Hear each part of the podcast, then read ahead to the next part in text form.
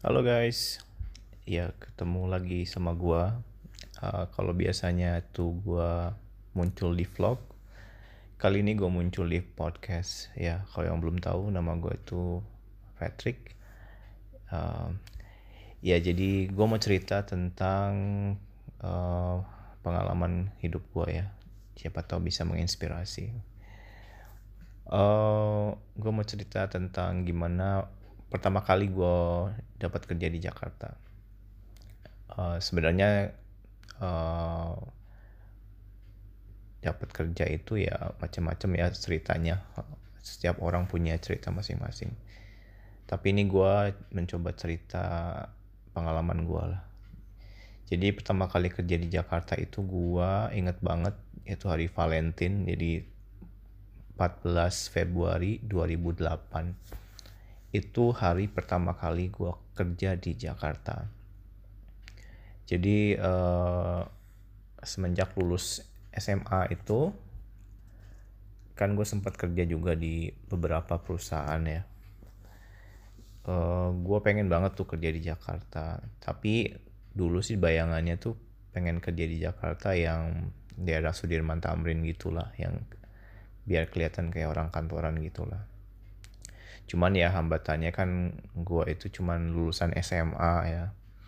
Terus kuliah gue juga belum kelar. Waktu itu gue masih kuliah di universitas terbuka gitu. Jadi ya gue waktu itu harus mengalah dengan keadaan lah gitu. Jadi uh, mau nggak mau ya harus ambil kesempatan yang ada gitu.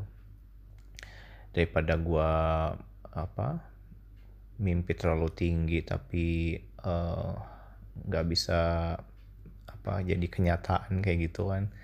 Ya kadang hidup tuh hidup tuh pilihan ya. Jadi kita juga nggak bisa maksain apa yang kita mau. Ya kita harus menyesuaikan dengan keadaan dengan kesempatan yang kita punya gitu ya. Ya contohnya ya yang gua uh, alamin lah gitu jadi uh, dulu perjuangan itu juga nggak mudah buat gua untuk bisa kerja di Jakarta ya. Gue dulu uh, berbulan-bulan gitu uh, nyari kerja. Jadi dulu gue gue tinggalnya di Serang. Jadi gue itu uh, seminggu sekali itu rajin ke warnet gitu. Jadi ngupdate CV ya. Terus ya cari-cari ini pelowongan posting lewat lewat ini lewat internet karena itu hal hal yang paling mudah bisa gue lakukan dan murah gitu. Zaman gue tuh masih musim itu ngirim lamaran pakai pos. Dulu gue sampai habis duit banyak gitu ya untuk ngepost ngirim ngirim lamaran ke hampir ke seluruh perusahaan-perusahaan di Cilegon gitu. Di daerah Serang gitu. Tapi eh, nggak uh, ada respon yang baik lah gitu. Mungkin juga nggak dibaca gitu ya. Karena ngirim lamarannya kan jadi nggak nggak efektif. Karena gue tuh cuman ngirim tapi nggak tahu di situ ada lowongan atau enggak gitu. Cuma naro lo naro lamaran lah istilahnya gitu. Tapi bukan berarti bahwa perusahaan-perusahaan itu tuh butuh karyawan. Akhirnya waktu itu gue kepikiran kalau kayak gitu terus kan uh, ini ya uh, habisin duit lah gitu terus nggak efektif. Ya akhirnya gue ganti caranya. Jadi gue uh, ngirim lamaran lewat internet. Jadi gue waktu itu buka beberapa situs uh, penyedia lowongan kerja. Gue update CV di situ dan gue ngirim-ngirim di situ. Uh, awal-awal sih sedikit ya. Maksudnya uh, responnya gitu. Belum belum banyak.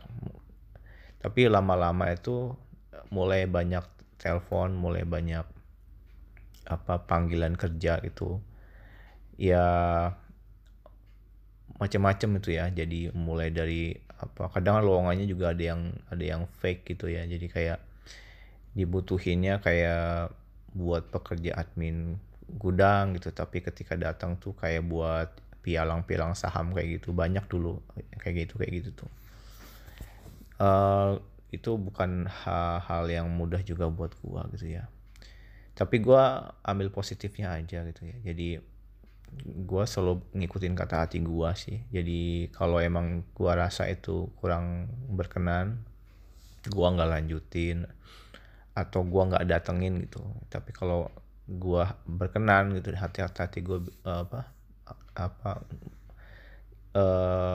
nggak uh, nggak bertentangan dengan kata hati gue gitu. Jadi gue datengin gitu dan itu kalau kalau gue itu efektif gitu. Jadi uh, gue nggak harus yang pergi jauh-jauh uh, ngedatengin tempat yang gue sendiri nggak yakin kayak gitu.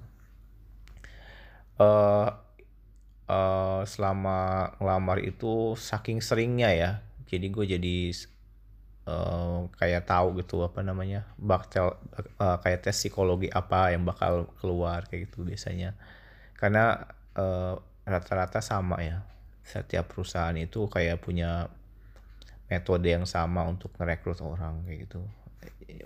Terus kayak pertanyaan-pertanyaan interview pun juga rata-rata sama gitu. Jadi umumnya sama gitu. Itu karena gue saking seringnya ya interview saking sering, seringnya tes gitu. Ya emang belum beruntung ya jadi ya nyoba lagi nyoba lagi nyoba terus kayak gitu. Terus juga apa uh, saking seringnya itu dulu kan target tuh kayak di Sudirman Tamrin gitu lah Rasuna Said kayak gitu.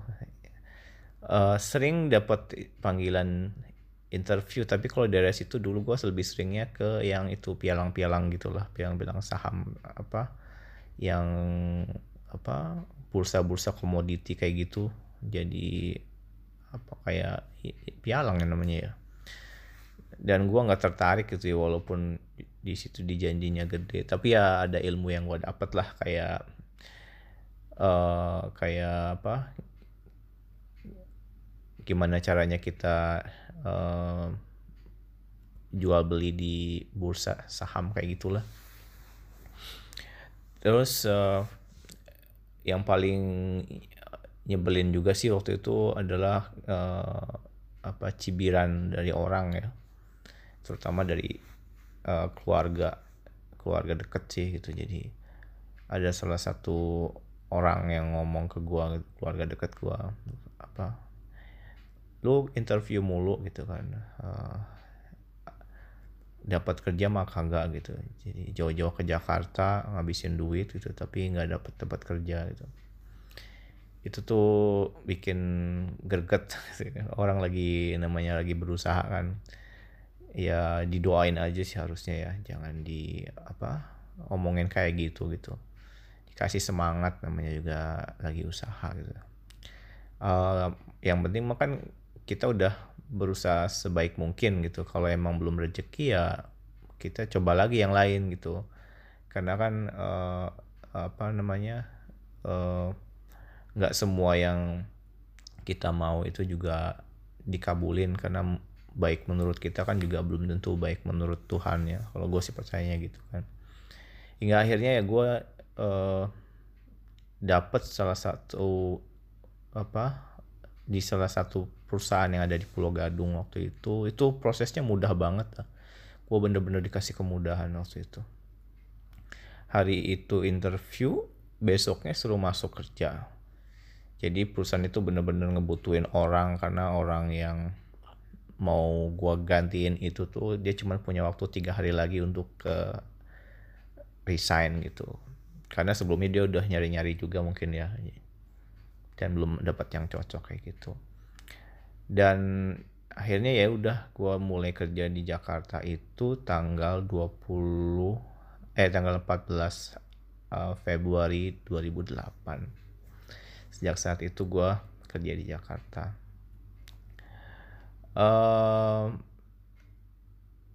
kalau apa intinya sih dari eh, dari gue sendiri ya kalau apa buat uh, teman-teman mungkin yang lagi berusaha cari kerja atau apa ya baru lulus kayak gitu jangan pernah nyerah dengan keadaan ya. Jadi kalau apa kalau punya keinginan ya usaha semaksimal mungkin gitu ya. Terus uh, jangan putus asa di satu tempat gitu. Jadi apa selalu punya plan A plan B plan C gitu. Itu yang selalu gue lakuin gitu. Jadi gue selalu punya backup plan gitu. Jadi ketika rencana satu itu udah dilaksanakan nggak berhasil pindah ke rencana kedua rencana ketiga gitu. Jadi kayak semisal kita ngelamar ngelamar nih kita juga nggak uh, fokus sama satu lowongan aja. Kita fokus sama kita juga cari yang lain kesempatan yang lain. Atau semisal gini kita itu kayak apa punya kemampuan di bidang komputer semisal gitu. Kita punya kursus komputer gitu sertifikat. Uh, mungkin kita bisa juga apply di apa posisi yang lain yang kira-kira ke kemampuan kita tuh uh, dibutuhkan kayak gitu. Jadi kita nggak fokus ke satu uh, apa ke satu tempat aja.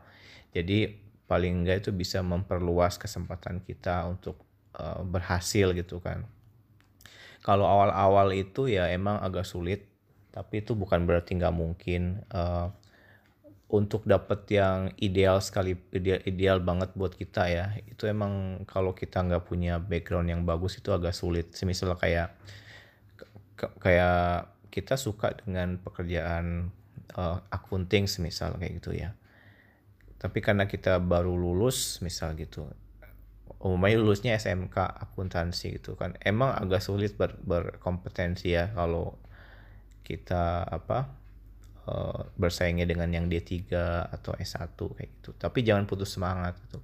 Kita bisa mulai kayak uh, apa cari perusahaan yang butuh fresh graduate atau cari yang level apa yang dibutuhin di level SMA atau cari perusahaan yang apa eh, nggak uh, terlalu besar kayak gitu ya. Jadi masih apa perusahaan-perusahaan kecil kayak gitu. Jadi uh, mereka juga nggak mungkin juga apa sih namanya nggak hire orang tuh yang terlalu pinter kayak gitu. Terus kualifikasinya terlalu tinggi gitu kan karena itu akan pengaruh sama gaji juga kan jadi kita mulai menurunkan grade lah kayak gitu istilahnya. Jangan jangan terlalu muluk-muluk gitu. Tapi itu dijadiin sebagai apa kayak batu loncatan lah kayak gitu. Awal awal kita mulai bekerja kalau emang kita benar-benar fresh graduate gitu.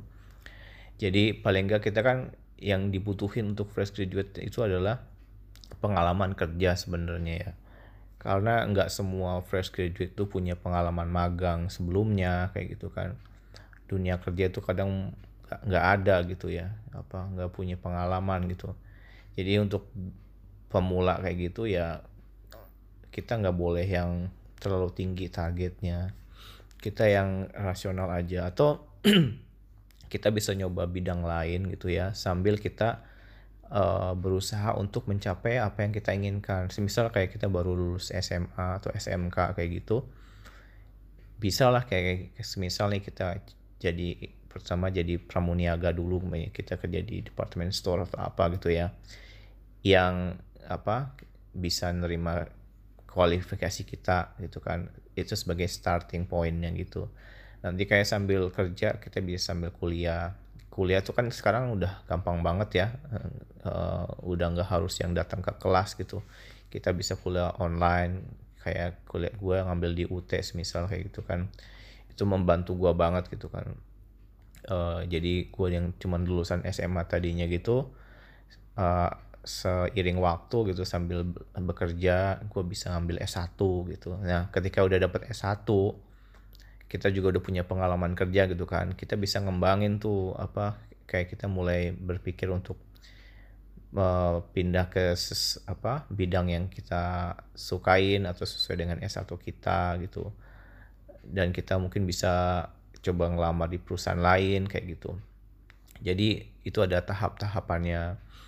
Kalau emang kita mulai dari yang awal banget ya tapi kalau kita udah kayak orang pinter banget lah kayak gitu tuh mau mungkin gak masalah ya. Kayak biasanya kayak dulu gue pernah ini kan pernah ada pengalaman uh, sebenarnya dulu gue diterima di Politeknik UI ya. Dulu namanya masih Politeknik UI waktu gue ke sana itu walaupun akhirnya gue nggak kuliah di sana ya karena terbentur biaya juga ujung-ujungnya itu. Tapi di sana tuh gue sempet uh, banyak diskusi banyak dapat informasi juga dari uh, orang-orang di sana. Terus juga ada alumni alumni yang udah kerja udah kuliah di sana dan udah bekerja juga.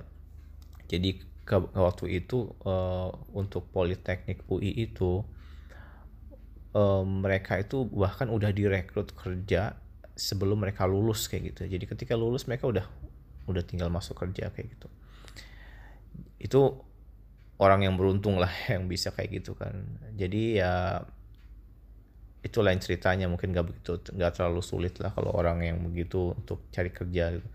tapi kalau untuk yang benar-benar baru lulus dari SMA atau SMK kayak gitu ya uh, usaha ini tuh untuk bisa apa ya me, men, mengejas diri sendiri gitu dengan kesempatan yang ada. Kesempatan tuh banyak sebenarnya tapi kita harus juga jeli uh, mensiasatinya gitu ya.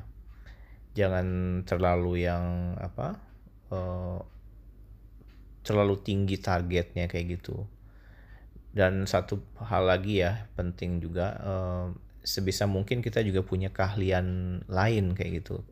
Kalau banyak kita belum punya kesempatan untuk kuliah atau melanjutkan ke pendidikan yang tinggi ketika SMA itu kita juga bisa biasa apa namanya usahakan untuk punya keahlian lain kayak bahasa bahasa Inggris itu, eh, itu penting banget ya.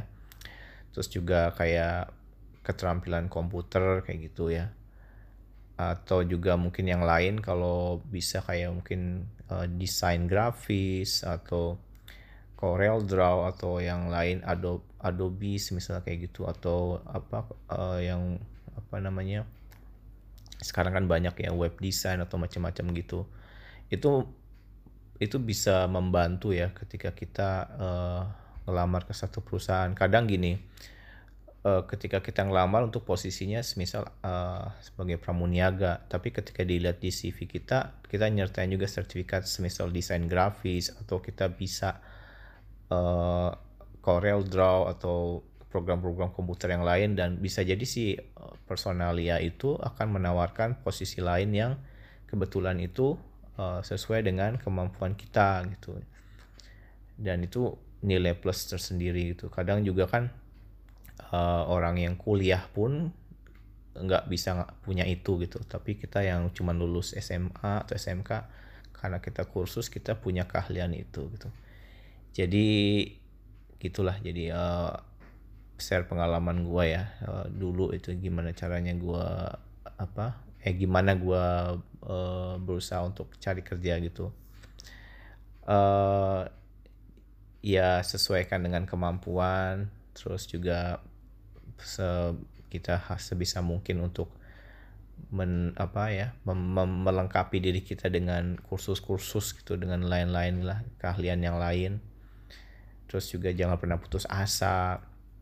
Dan apa kita juga harus uh, selalu apa optimis gitu dan dan selalu berpikir untuk maju gitu. Jadi nggak stuck di satu tempat aja gitu.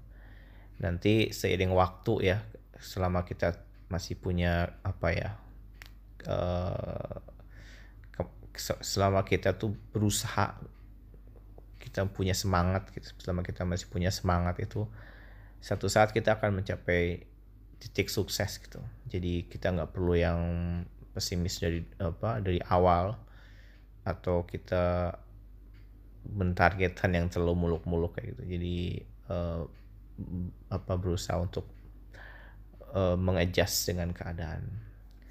Oke okay, segitu aja deh kayaknya pengalaman eh, sharing pengalaman gua dulu waktu kerja uh, cari kerja di Jakarta gimana ya mudah-mudahan menginspirasi terutama untuk uh, teman-teman yang fresh graduate mau itu lulusan SMA, SMK, D3, S1 dan sebagainya lah.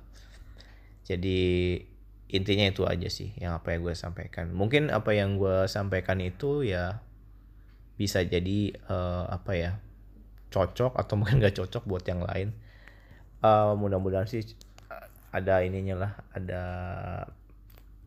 manfaatnya gitu um, yang semoga buat kalian yang belum mendapat kerja segera mendapatkan pekerjaan. Oke, okay, see you. Halo guys. Balik lagi sama gua di podcast gua kali ini. Udah lama gak ngerekam. Ya kali ini gua mau cerita tentang apa bertahan hidup di Jakarta dengan uang 10.000 sehari uh, untuk makan. Jadi ini uh, kembali lagi ke masa lalu gue ya. Jadi dulu tuh masa lalu. Maksudnya pengalaman gue dulu gitu. Dulu gue kan kerja di Pulau Gadung ya. Gue kerja di Pulau Gadung tuh tahun 2008. Gue mulai kerja tuh bulan Februari tanggal uh, Valentine Days. Jadi 24 Februari. Eh 20, Valentine Days bulan ini sih tanggal berapa sih? Oh, 14 Februari. 24 Februari ya jadi gini ceritanya.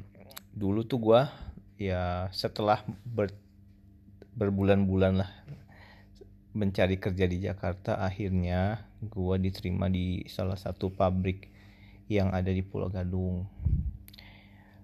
Ya waktu itu emang bener-bener gue dari nol yang mulainya. Jadi gue nggak ada persiapan uang nggak ada persiapan apa-apalah. Tapi ya Tuhan tuh maha adil ya Tuhan tuh maha pengasih gitu. jadi dimudahkan lah caranya gimana caranya tuh yang kalau secara logika nggak mungkin tuh jadi mungkin gitu. Jadi dulu itu gue uh, singkat kata lah udah diterima kerja di situ kan. Gaji cuman satu juta tujuh ratus. Jadi waktu itu tuh kalau nggak sekolah segitu tuh UMR UMR ada lebihan dikit lah gitu. UMR eh, lebihan dikit karena uh, gue dapetnya emang UMR ditambah transport apa makan gitu ya. Tahun 2008 jadi sekitar 12 tahun yang lalu ya. Jadi waktu itu gue bener-bener mepet kan karena, gajinya UMR tapi gue udah seneng banget bisa kerja di Jakarta.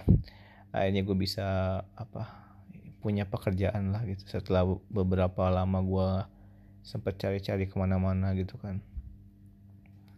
Karena gajinya mepet uh, otomatis kan gue harus ini ya harus uh, berhemat gitu kan. Jadi uang satu bulan gaji itu harus dibagi-bagi banyak pos gitu ya. Ya terutama sekali sih buat apa uh, selain buat kebutuhan gua yang basicnya itu gua juga harus bantu orang tua kan. Jadi ya gua bantu-bantu buat bayaran sekolah buat bayar listrik buat apa aja lah gitu. Jadi gua nyisihin buat orang tua gua juga. Jadi itu impactnya ya ke pengeluaran gua gitu. Jadi gua udah dipatok waktu itu uh, satu hari itu cuman punya uang sepuluh ribu buat makan. Jadi lima ribu buat makan siang di pabrik karena kita kan gak dapat makan aduh.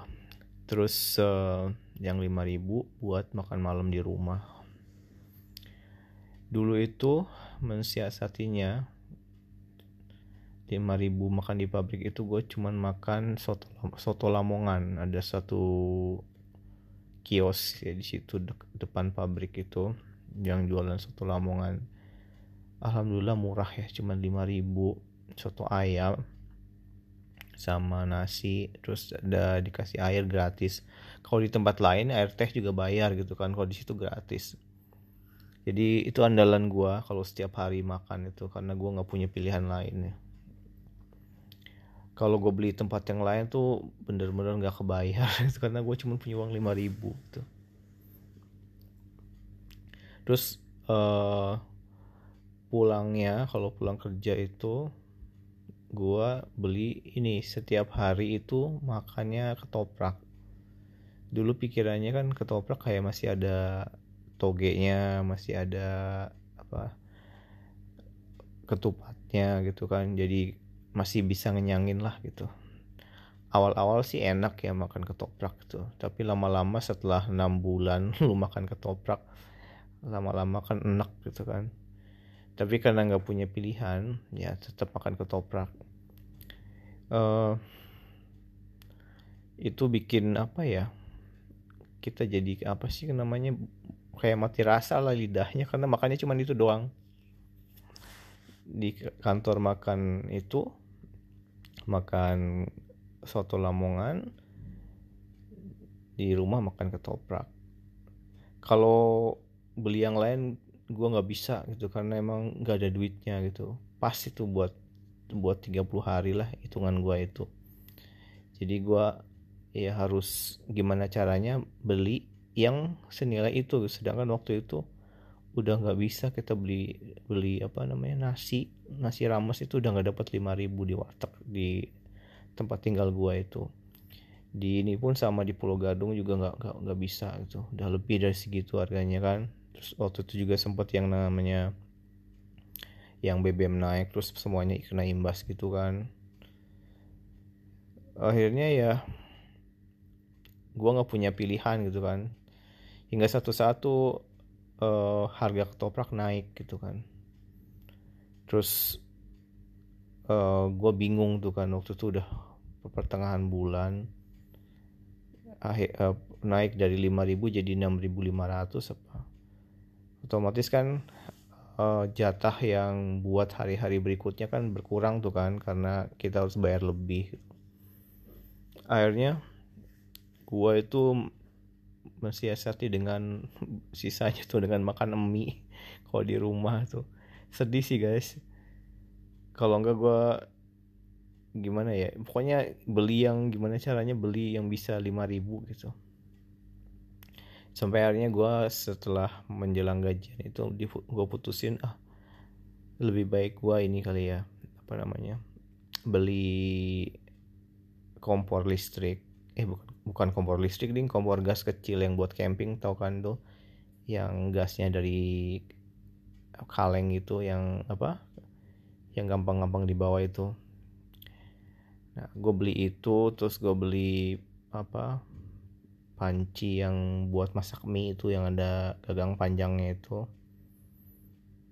Terus apa lagi ya? Oh iya gue beli rice cooker. Rice cooker kecil. Uh, jadi gue bisa berhemat banyak lah. Paling nggak gue bisa makan nasi gitu kan.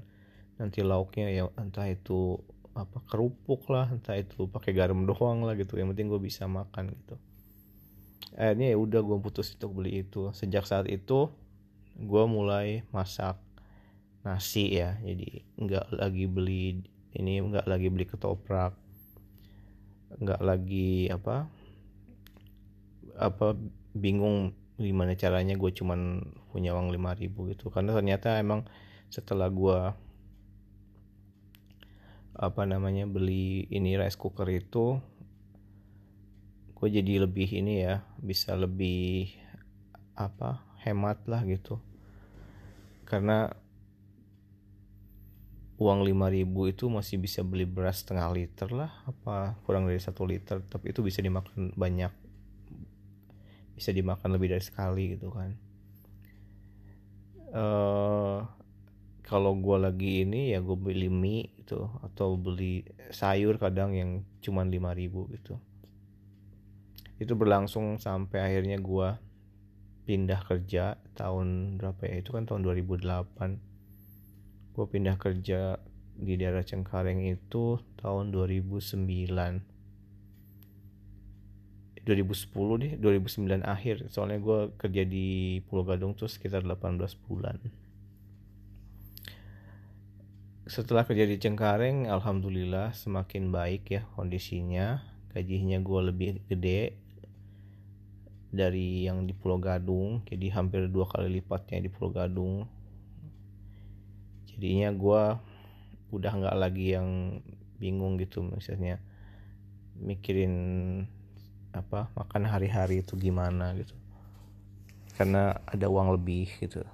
Terus gue juga bisa ngirim lebih banyak lagi ke apa orang orang tua gue bisa bantu lebih banyak lagi lah gitu nah semenjak itu udah nggak pernah lagi tuh yang namanya apa namanya bingung gimana caranya makan dengan uang sepuluh ribu. Ya walaupun tetap aja gue tetap ini sih ya maksudnya tetap berhemat tapi nggak seperti yang waktu di Pulau Gadung kayak gitu. Uh, gimana apa namanya susahnya gitu cuma sekedar buat makan doang.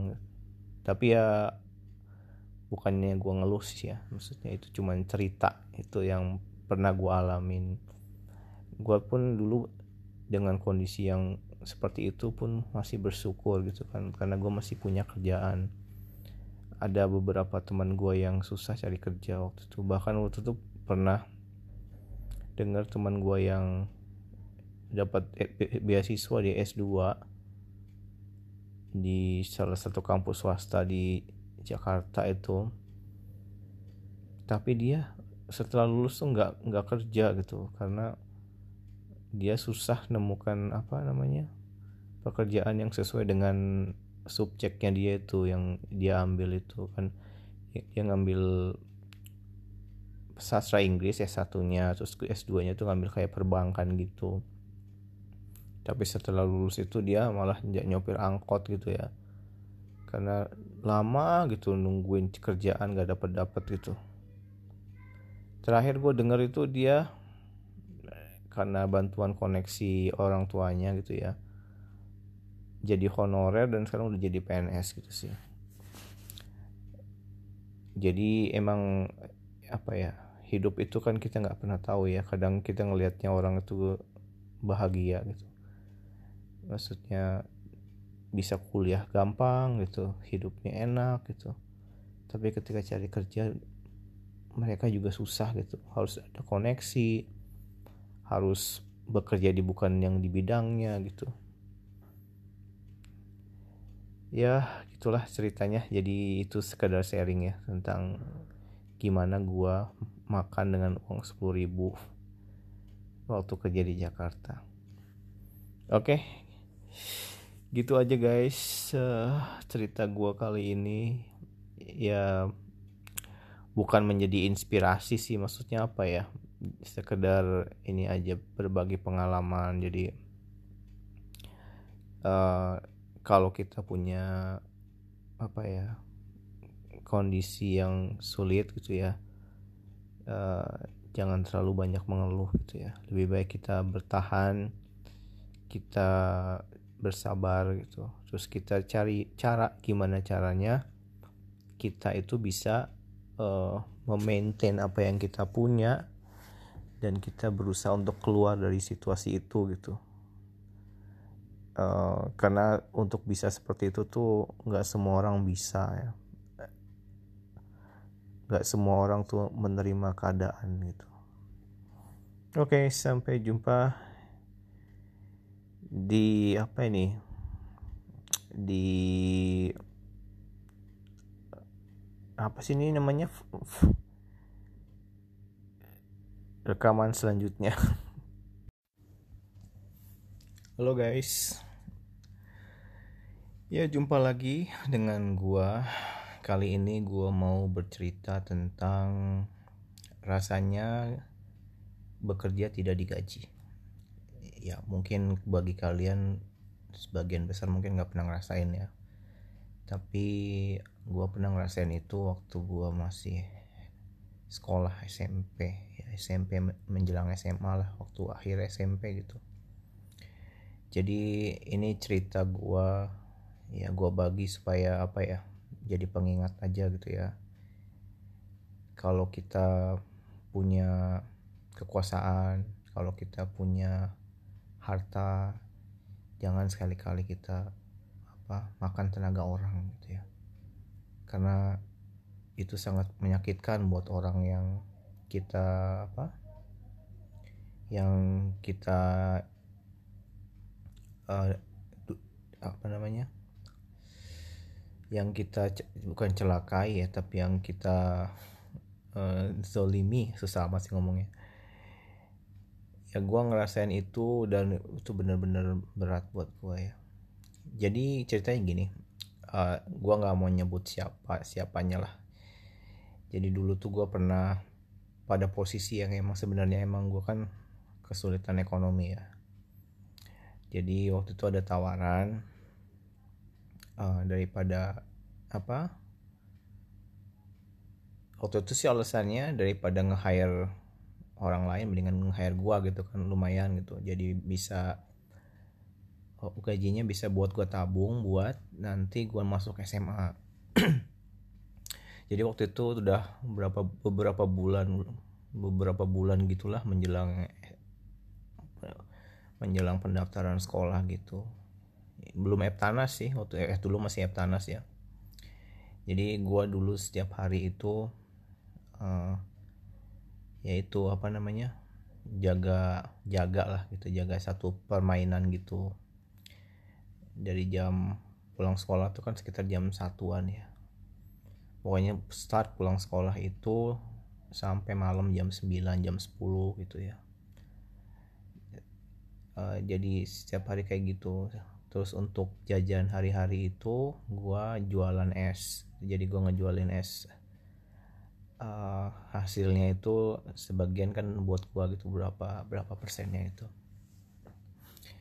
Dulu kok kayak gitu. Dulu pas kelas 3 SMP itu gue lebih banyak jalan kaki ya ke ini ke sekolahan. Lumayan jauh sih sekolahan jalan kaki itu.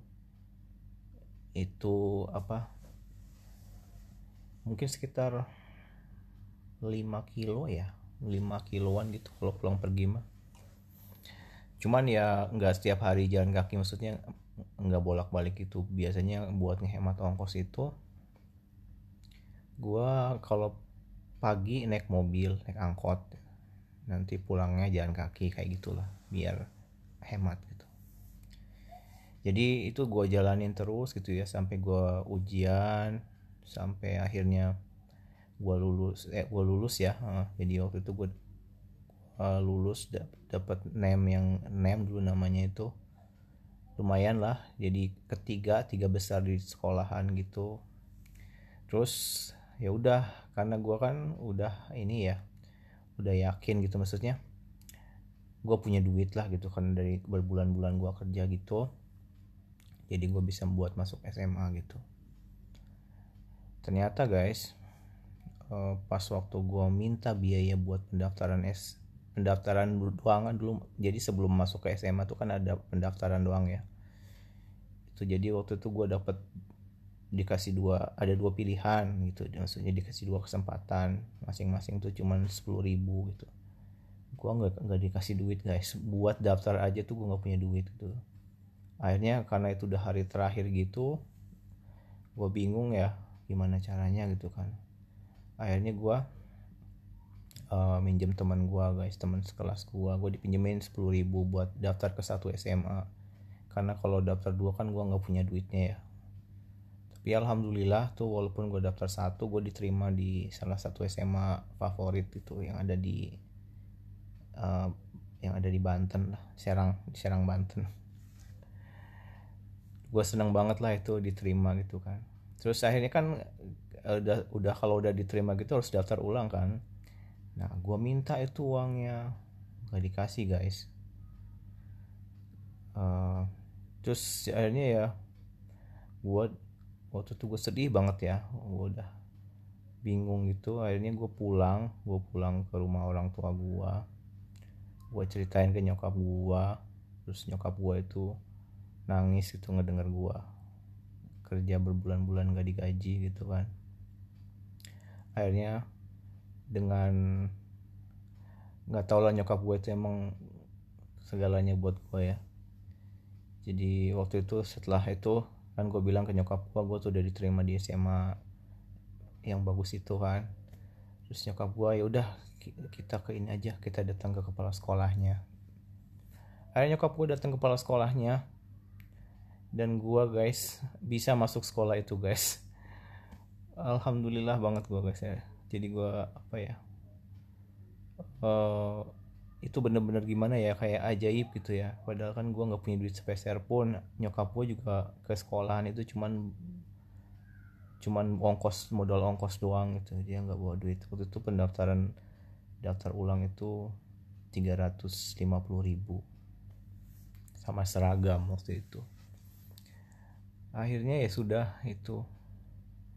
Gue bisa sekolah dan gue nggak tinggal lagi di tempat itu waktu itu. Dan ya udah gue merasa bahagia lah waktu itu bisa masuk sekolah yang gue impikan gitu ya.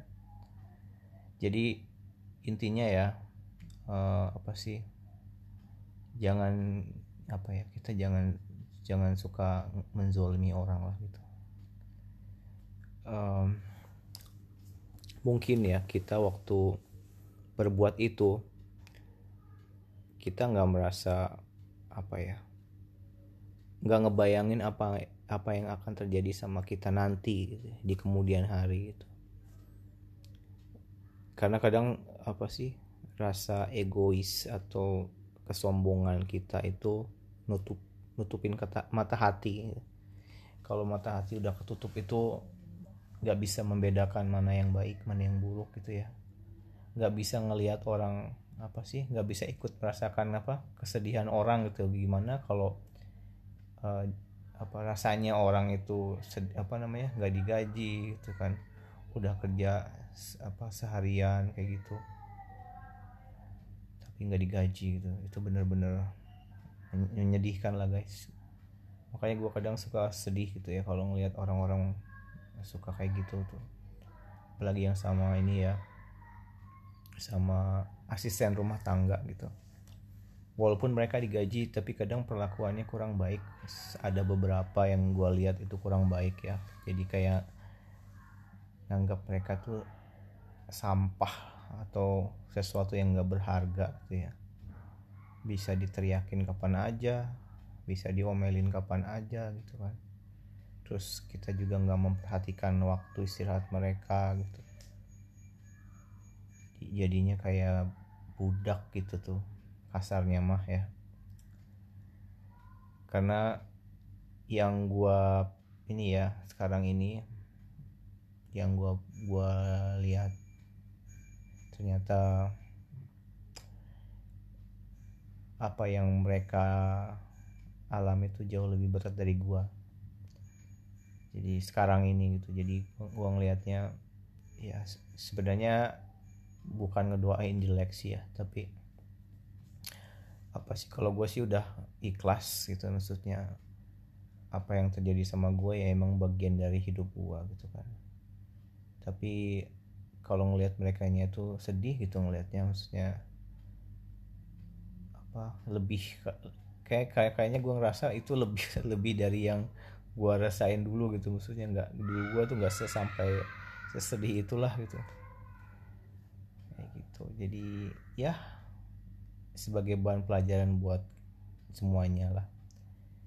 Jadi kalau sama siapa pun sih sebenarnya ya jangan sampai kita itu kayak meremehkan tenaga orang. Karena orang itu ya uh, kadang itu terpaksa gitu. Dia nggak punya apa sesuatu yang lain selain tenaganya gitu ya uh, supaya dia tuh bisa dapat uang gitu supaya dia dapat bisa makan supaya dia bisa apa namanya ngasih makan anak-anaknya ngasih makan anak istrinya gitu kan. Supaya anaknya bisa pada sekolah kayak gitu. Tapi kita yang punya uang tuh kadang kita nggak mikirin itu gitu. Kita nganggapnya apa ya e, mau syukur segitu nggak mau ya udah gitu. Kayak gitu atau uh, terserah mau mau atau enggaknya kamu nggak mau juga masih banyak yang lain kayak gitu. Jadi sering kita ngeliat orang-orang yang punya pikiran kayak gitu. Ya gitu aja guys. Uh, cerita gua tentang gimana rasanya kerja tapi nggak dapat gaji ya. Itu bener-bener sakit sakit sekali guys. Ya, untungnya sih gue waktu itu masih sekolah ya masih kecil ya si remaja lah gitu istilahnya. Jadi mungkin uh, apa ya sedihnya itu nggak sesedih kalau kayak gue udah punya berkeluarga udah gue punya anak istri gitu kan. Itu pasti sedihnya double double lagi gitu. Dulu gue uh, fokusnya sedihnya ya karena gue nggak bisa ini aja sih apa nggak bisa punya duit untuk daftar sekolah waktu itu. Yang lain-lain gue nggak kepikiran gitu karena emang pikiran gue kan masih sekolah ya masih ini nggak nggak yang kompleks gitu kayak orang yang udah berkeluarga. Oke sampai jumpa di podcast selanjutnya. Bye bye halo guys. Ya jumpa lagi dengan gua. Kali ini gue mau bercerita tentang rasanya bekerja tidak digaji.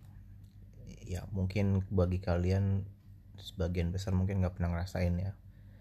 Tapi gue pernah ngerasain itu waktu gue masih sekolah SMP ya SMP menjelang SMA lah waktu akhir SMP gitu jadi ini cerita gue ya gue bagi supaya apa ya jadi pengingat aja gitu ya kalau kita punya kekuasaan kalau kita punya harta jangan sekali-kali kita apa makan tenaga orang gitu ya. Karena itu sangat menyakitkan buat orang yang kita apa yang kita uh, apa namanya yang kita bukan celakai ya tapi yang kita uh, zolimi sesama sih ngomongnya ya gue ngerasain itu dan itu bener-bener berat buat gue ya. Jadi ceritanya gini uh, eh, gue nggak mau nyebut siapa siapanya lah. Jadi dulu tuh gue pernah pada posisi yang emang sebenarnya emang gue kan kesulitan ekonomi ya. Jadi waktu itu ada tawaran uh, daripada apa waktu itu sih alasannya daripada nge-hire orang lain mendingan nge-hire gua gitu kan lumayan gitu. Jadi bisa oh, gajinya bisa buat gua tabung buat nanti gua masuk SMA jadi waktu itu udah beberapa beberapa bulan beberapa bulan gitulah menjelang menjelang pendaftaran sekolah gitu. Belum Eptanas sih waktu eh dulu masih Eptanas ya. Jadi gue dulu setiap hari itu uh, yaitu apa namanya jaga jaga lah gitu jaga satu permainan gitu. Dari jam pulang sekolah tuh kan sekitar jam satuan ya. Pokoknya start pulang sekolah itu sampai malam jam 9 jam 10 gitu ya. Uh, jadi setiap hari kayak gitu. Terus untuk jajan hari-hari itu gua jualan es. Jadi gua ngejualin es uh, hasilnya itu sebagian kan buat gua gitu berapa berapa persennya itu. Dulu kok kayak gitu. Dulu pas kelas 3 SMP itu gue lebih banyak jalan kaki ya ke ini ke sekolahan. Lumayan jauh sih sekolahan jalan kaki itu. Itu apa? Mungkin sekitar 5 kilo ya. 5 kiloan gitu kalau pulang pergi mah cuman ya nggak setiap hari jalan kaki maksudnya nggak bolak balik itu. Biasanya buat ngehemat ongkos itu gua kalau pagi naik mobil naik angkot nanti pulangnya jalan kaki kayak gitulah biar hemat gitu. Jadi itu gue jalanin terus gitu ya sampai gue ujian sampai akhirnya gue lulus eh gue lulus ya jadi waktu itu gue uh, lulus dapat nem yang nem dulu namanya itu lumayan lah. Jadi ketiga tiga besar di sekolahan gitu. Terus ya udah karena gue kan udah ini ya udah yakin gitu maksudnya gue punya duit lah gitu kan dari berbulan-bulan gue kerja gitu. Jadi gue bisa buat masuk SMA gitu. Ternyata guys uh, pas waktu gue minta biaya buat pendaftaran S pendaftaran doangan dulu jadi sebelum masuk ke SMA tuh kan ada pendaftaran doang ya. Itu jadi waktu itu gue dapet dikasih dua ada dua pilihan gitu maksudnya dikasih dua kesempatan masing-masing tuh cuman sepuluh ribu gitu. Gue nggak nggak dikasih duit guys. Buat daftar aja tuh gue nggak punya duit gitu. Akhirnya karena itu udah hari terakhir gitu gue bingung ya gimana caranya gitu kan. Akhirnya gue uh, minjem teman gue guys teman sekelas gue gue dipinjemin sepuluh ribu buat daftar ke satu SMA karena kalau daftar dua kan gue nggak punya duitnya ya. Tapi alhamdulillah tuh walaupun gue daftar satu gue diterima di salah satu SMA favorit itu yang ada di uh, yang ada di Banten lah Serang Serang Banten. Gue seneng banget lah itu diterima gitu kan. Terus akhirnya kan udah udah kalau udah diterima gitu harus daftar ulang kan nah gue minta itu uangnya. Gak dikasih guys. Uh, terus akhirnya ya gue waktu itu gue sedih banget ya. Gue udah bingung gitu. Akhirnya gue pulang gue pulang ke rumah orang tua gue gue ceritain ke nyokap gue terus nyokap gue itu nangis gitu ngedenger gue kerja berbulan-bulan gak digaji gitu kan. Akhirnya dengan nggak tau lah nyokap gue itu emang segalanya buat gue ya. Jadi waktu itu setelah itu kan gue bilang ke nyokap gue gue tuh udah diterima di SMA yang bagus itu kan. Terus nyokap gue ya udah kita ke ini aja kita datang ke kepala sekolahnya. Akhirnya nyokap gue datang ke kepala sekolahnya dan gue guys bisa masuk sekolah itu guys. Alhamdulillah banget gue guys ya jadi gue apa ya uh, itu bener-bener gimana ya kayak ajaib gitu ya. Padahal kan gue nggak punya duit sepeser pun nyokap gue juga ke sekolahan itu cuman cuman ongkos modal ongkos doang gitu. Dia nggak bawa duit. Waktu itu pendaftaran daftar ulang itu 350 ribu. Sama seragam waktu itu. Akhirnya ya sudah itu. Gue bisa sekolah dan gue nggak tinggal lagi di tempat itu waktu itu. Dan ya udah gue merasa bahagia lah waktu itu bisa masuk sekolah yang gue impikan gitu ya. Jadi intinya ya uh, apa sih jangan apa ya kita jangan jangan suka menzolimi orang lah gitu. Um, mungkin ya kita waktu berbuat itu kita nggak merasa apa ya nggak ngebayangin apa apa yang akan terjadi sama kita nanti gitu, di kemudian hari itu